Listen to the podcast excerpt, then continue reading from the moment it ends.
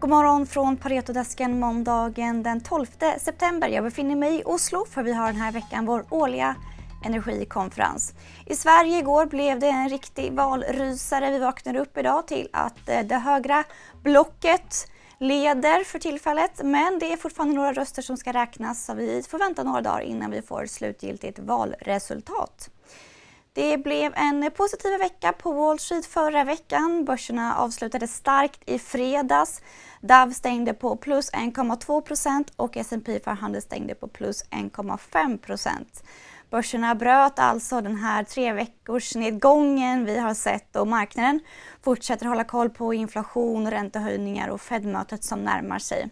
Imorgon får vi en viktig pusselbit i eh, inflationspusslet. Vi får augusti Consumer Price Index som vi ska prata mer om med Longviews eh, Harry Colvin. Good morning, Harry. What do you think about tomorrow's eh, inflation number?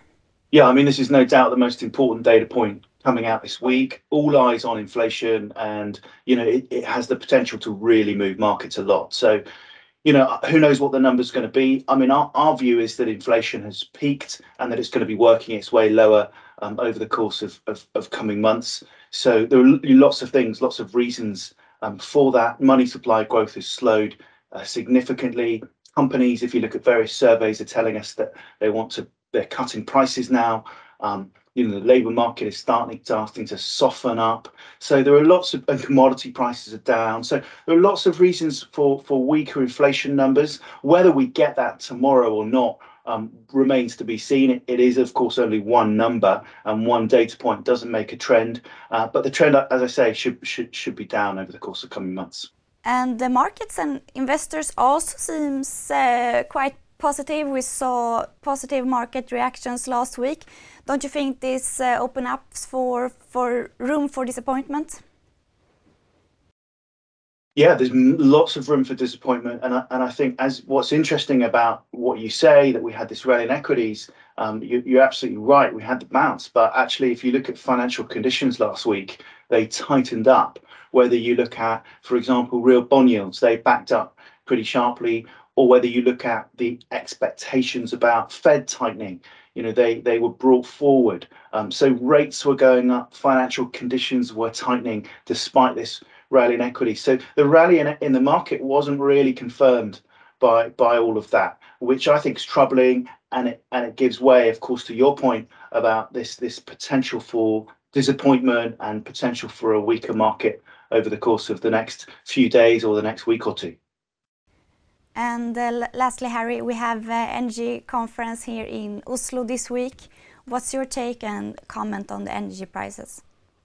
Yeah, I mean, there's you know, for Europe in particular, it's causing a lot of pain. Europe's in the midst of a, of a major energy shock, particularly through through gas prices, um, and I and I think the ECB is tightening into a recession just like it did in, in 2011. So energy shock is clearly the key theme.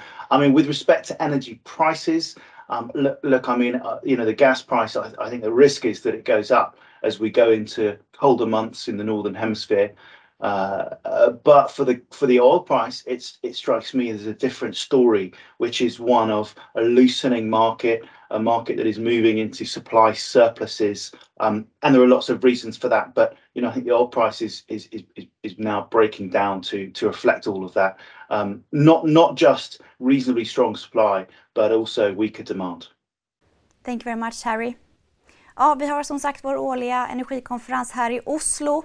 Det är det 29 året i rad som vi anordnar den här konferensen som är den största i sitt slag i Europa. 165 bolag presenterar på konferensen som är två dagar och det kommer bolag som representerar allt ifrån olja och gas, shipping och rigg till förnyelsebar energi såsom havsbaserad vind, landbaserad vind, vattenkraft, batteri, energilagring, carbon capture, vätgas, biogas, waste to energy. Ja, det finns mycket intressant att lyssna på de här två dagarna. Det kommer även vara tal från Tysklands ekonomiminister och vice förbundskansler Robert Habeck. Så mm, mycket intressant den här veckan alltså och jag kommer vara på plats och lyssna och prata med investerare, jag kommer prata med bolag och eh, göra en hel del content. Så håll utkik på våra sociala kanaler och Youtube-kanal efter rapportering ifrån energikonferensen. Vi kommer bland annat ha två livestreams den första är på onsdag 16.30 och sen har vi en på torsdag 13.45 här på Youtube, Twitter och LinkedIn. Jag kan länka till de streamsen här nedan så kan ni ställa en påminnelse och få ett alarm när det är dags att eh, kika in. Jag kommer även sända God morgon från Paretodesken direkt från konferensen. Så har ni frågor om energipriser eller energibolag, kanske cleantech-investeringar, så ställ dem till mig så ska jag eh, försöka svara på dem med hjälp av experter som finns samlade de här dagarna. Ni kan mejla till matilda.karlsson.paretosek.com och eh, märka mejlet med energikonferensen så ska jag försöka svara på era frågor. Med det sagt så önskar jag er en trevlig måndag och en trevlig vecka.